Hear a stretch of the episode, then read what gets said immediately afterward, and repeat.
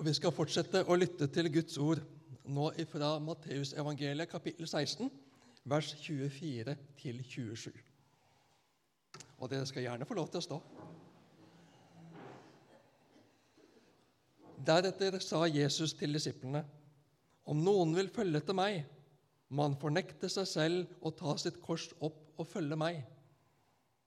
For den som vil berge sitt liv, skal miste det, men den som mister sitt liv for min skyld, skal finne det. Hva vil det gagne et menneske om det vinner hele verden, men taper sin sjel? Eller hva skal et menneske gi som vederlag for sin sjel? For menneskesønnen skal komme i sin fars herlighet sammen med sine engler, og da skal han lønne hver og en etter det han har gjort. Slik lyder Herrens ord. Hva betyr det å følge etter Jesus i Kristiansand i 2021? Hva mener Jesus med å fornekte seg selv? Og hva betyr det å ta sitt kors opp? Vi lever i et sekulært samfunn. Vi opplever at folk rundt oss ser det mer og mer som en kuriositet, eller rett og slett naivt, dumt og intolerant å tro på Bibelen og ha som leveregler det som står i en nærmere 2000 år gammel bok. Og Bibelens kurs for det gode liv er stadig på kollisjonskurs med samfunnets holdninger og livsstil. Hva gjør vi da?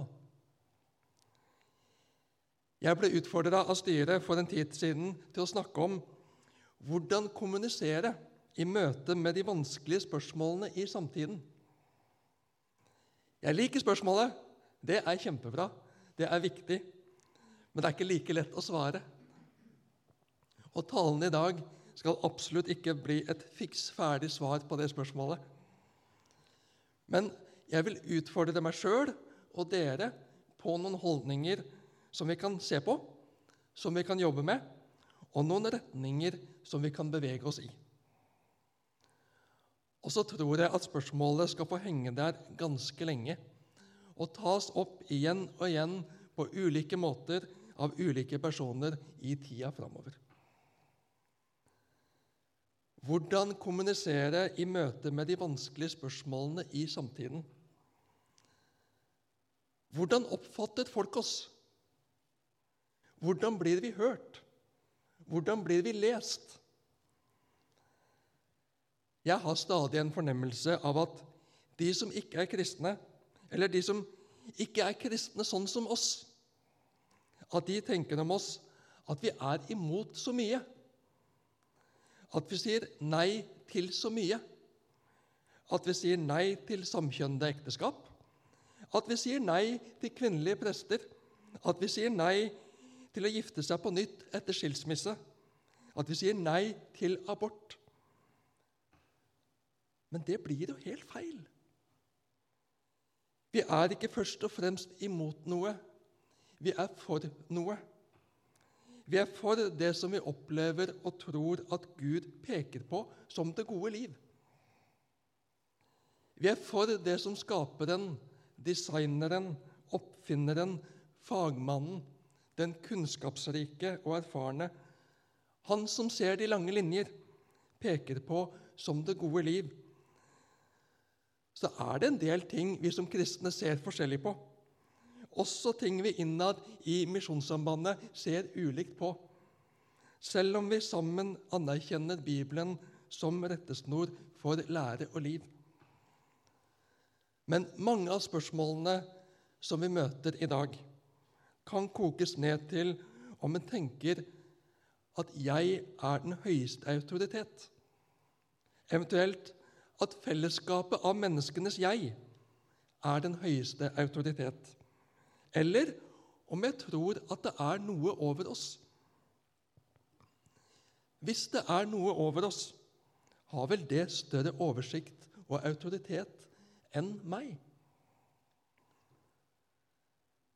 Men hvis vi skiller lag i det spørsmålet, så er det selvsagt at synet på livet og alle spørsmål i livet blir veldig forskjellige. Så kan vi argumentere for Guds eksistens, vi, og vi har gode argumenter for Guds eksistens. Men hvis folk ikke vil tro på noen Gud, ikke ønsker å tro på noen Gud, så er det selvfølgelig et stort gap mellom måten vi ser på livet og verden på. Et stort gap mellom livssynene våre, mellom verdensbildene våre. Har vi da tapt? Er det da håpløst? Jeg tror absolutt ikke det.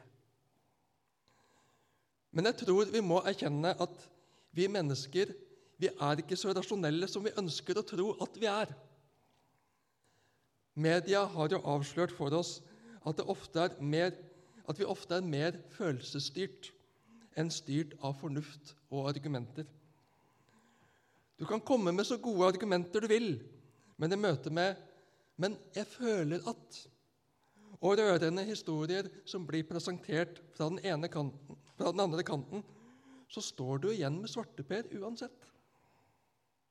Du har tapt. Argumenter oppleves som kalde, distanserte og stillestående.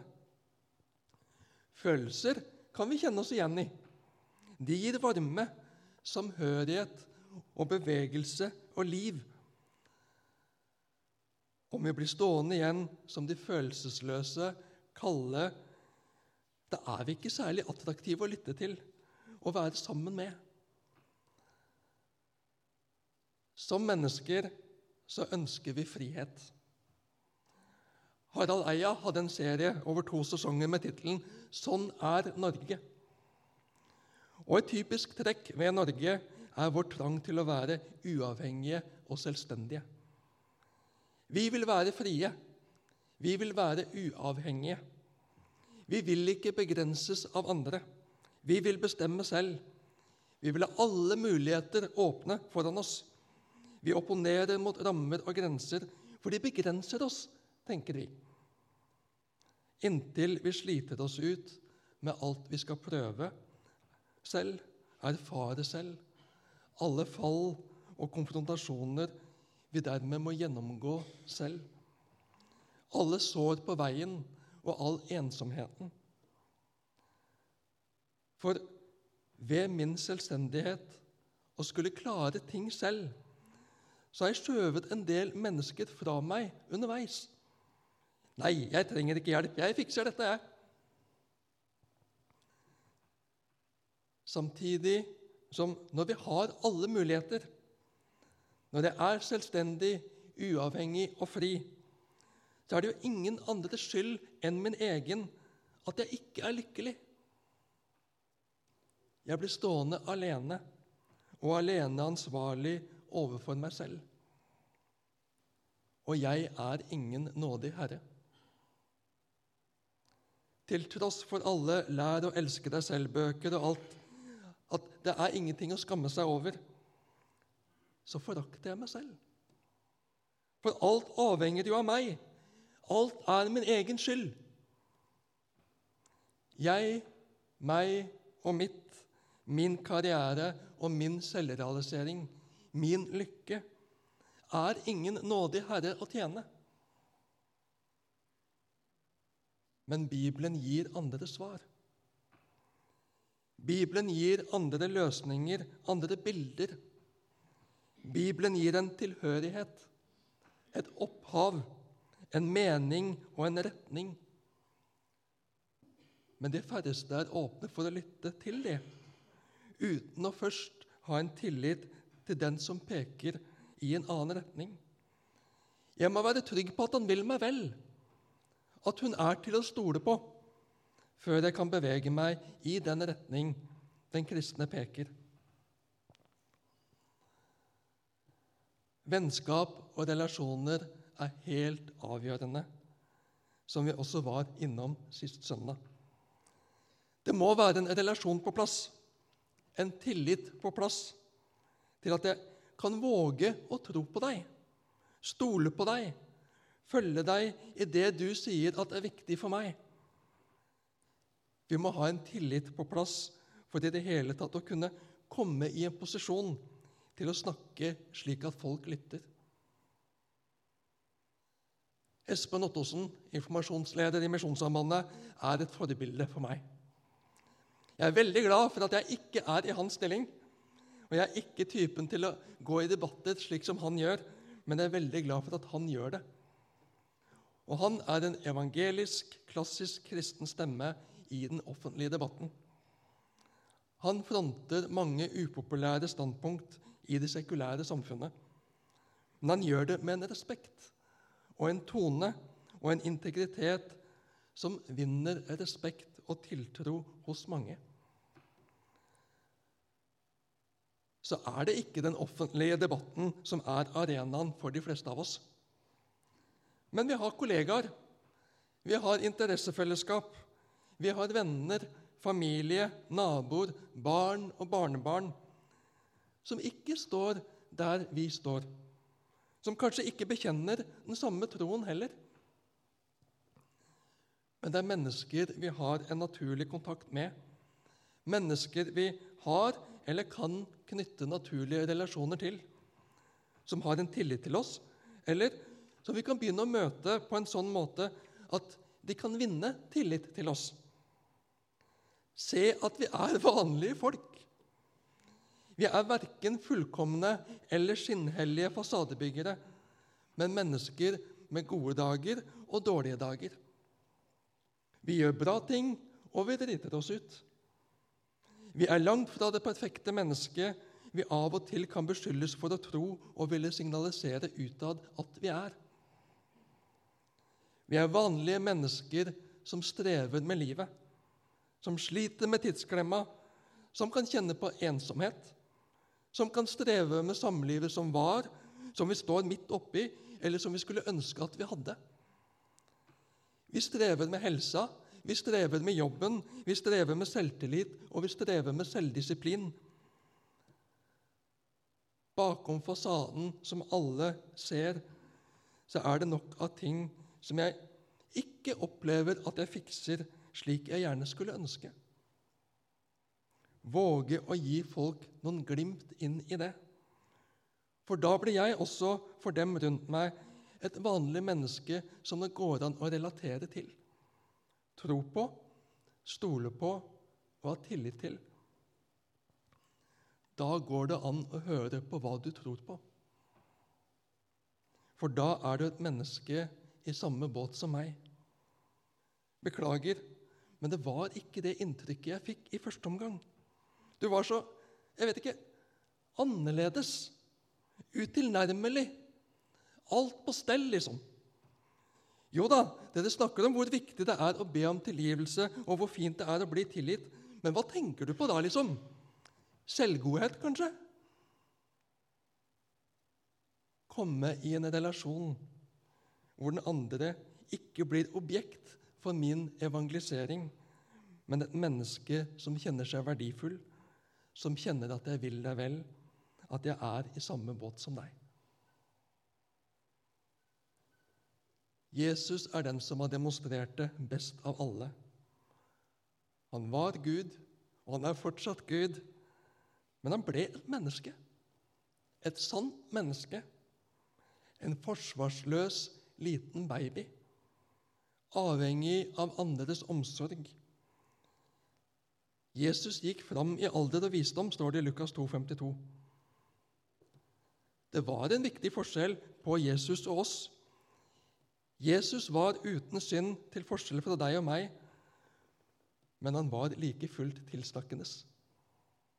Han var like fullt en som folk kom, som kunne komme til og prate med. Han vant tillit. Hos noen vekket han motstand, absolutt. Men hos andre vekket han tillit, tiltro, og han ga livsmot og en helt ny livsretning. Der er vi, og det er hva vi skal få invitere folk til. Men i dag så vil jeg først og fremst fokusere på livet vi skal få leve, mer enn invitasjonen vi skal få gi videre.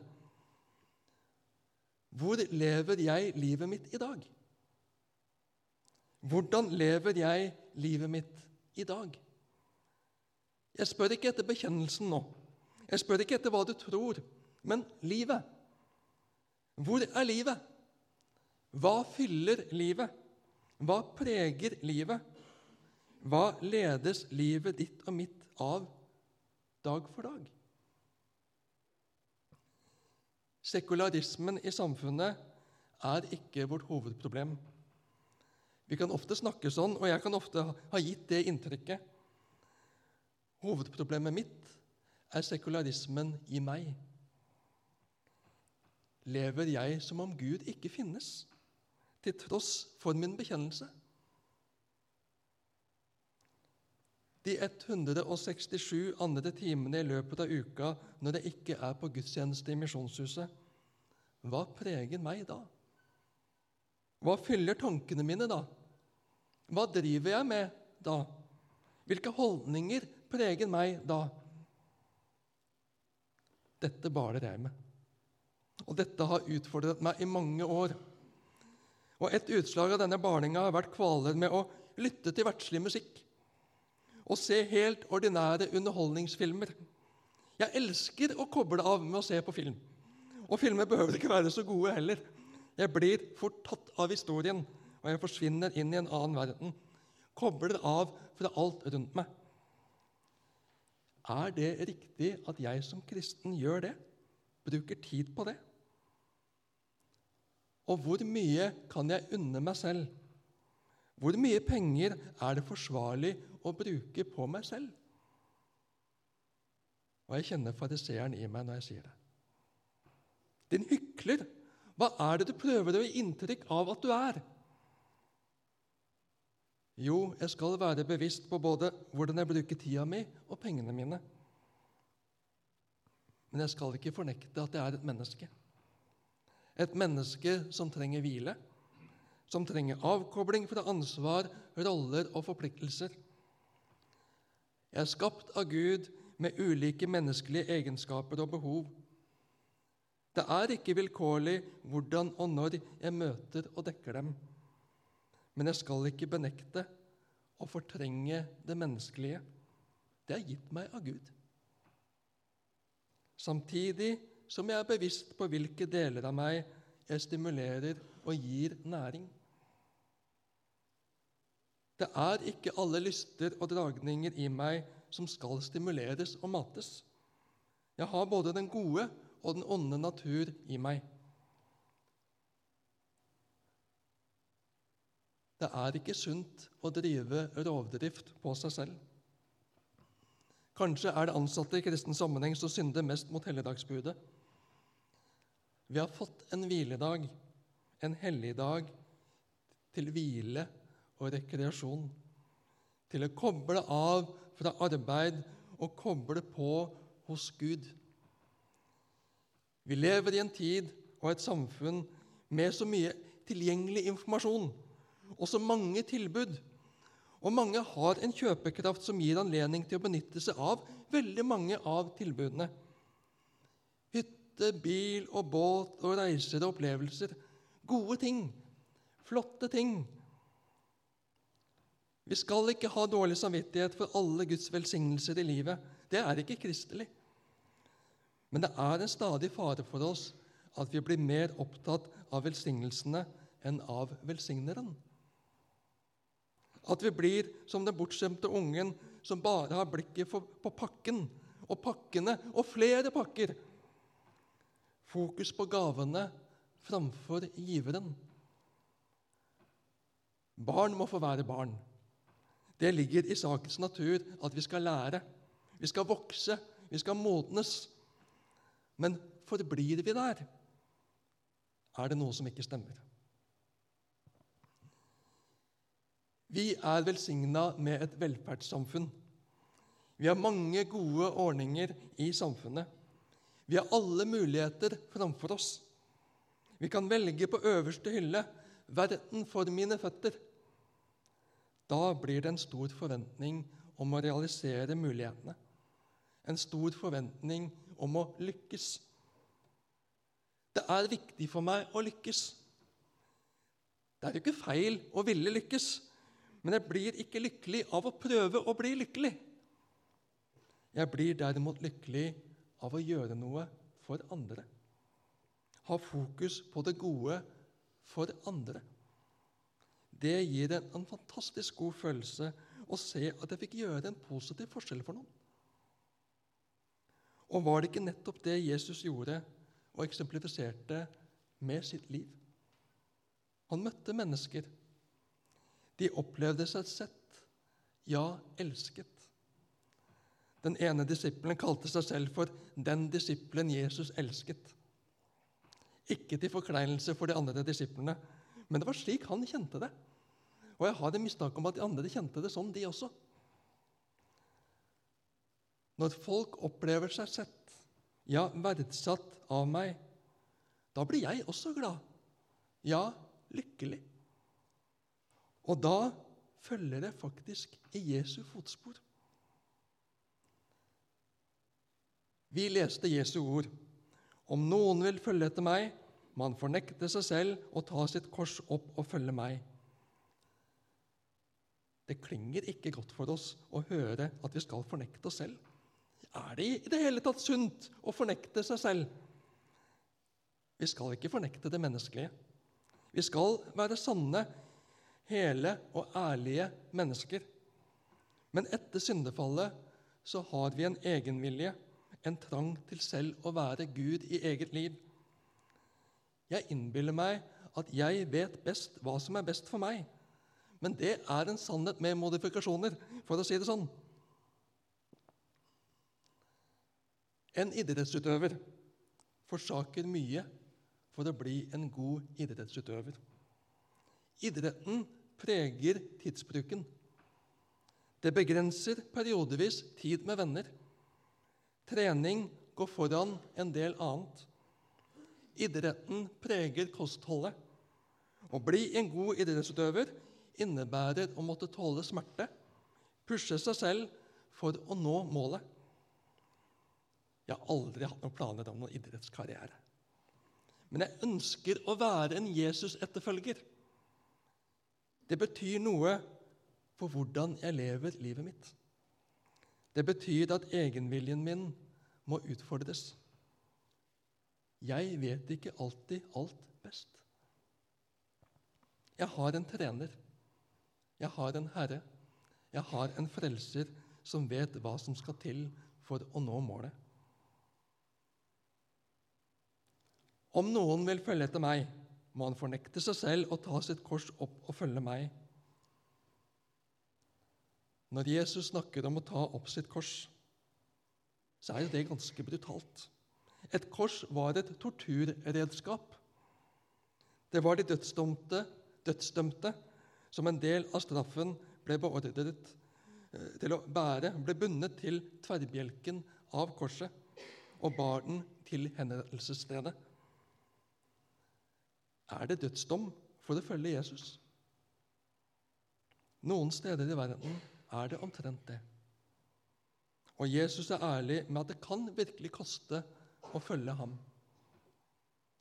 Her til lands har det for de fleste eh, begrenset seg til noen skjeve blikk og til noen nedsettende slengbemerkninger, skjønt det kan være ubehagelig nok. Å være en kristen å være en følger av Jesus innebærer faktisk å akseptere en del omkostninger. Det koster ingenting å bli en kristen. Å bli en kristen handler om å ta imot Jesu oppgjør for min synd. Det er en gave, nåde, helt gratis. Men å være en kristen, en Jesusfølger, innebærer å gi ham sjefsrollen 'Jeg følger deg, Jesus. Ditt ord er min lov.' Kona blir ikke så glad når jeg sier det til henne. 'Ditt ord er min lov.' Og jeg forholder meg ikke helt til sånn til heller, strengt talt. Jeg sier det helst for å drive litt ap med henne. Men å være en kristen er å gi Jesus sjefsrollen i livet. Han er både en mer nådefull og raus sjef for meg enn jeg selv er mot meg selv. Og han har en helt annen oversikt. Det utfordrer noe i meg, absolutt. Men det er det beste for meg. Det er jeg overbevist om. Det er kanskje ikke så dumt å fornekte noe i meg. Ikke betydningen benekte at det finnes, ikke late som at det ikke er en del av meg, men ikke nære de delene av meg som ikke er så gode, for at det gode skal få plassen og næringen, for at Jesus skal få større plass i meg, at hans vilje skal få prioritet. Enkelt er det ikke. Det er en stadig kamp i meg. Og når jeg faller, skal jeg verken forakte meg selv, bagatellisere synden eller pynte på fasaden, men erkjenne fallet, be om tilgivelse og få ta imot Hans nåde på nytt. Leve i nåden, leve i Hans kjærlige omsorg. Det er bærekraftig. Da bevarer jeg sjela. Da skal Han lede meg helt hjem.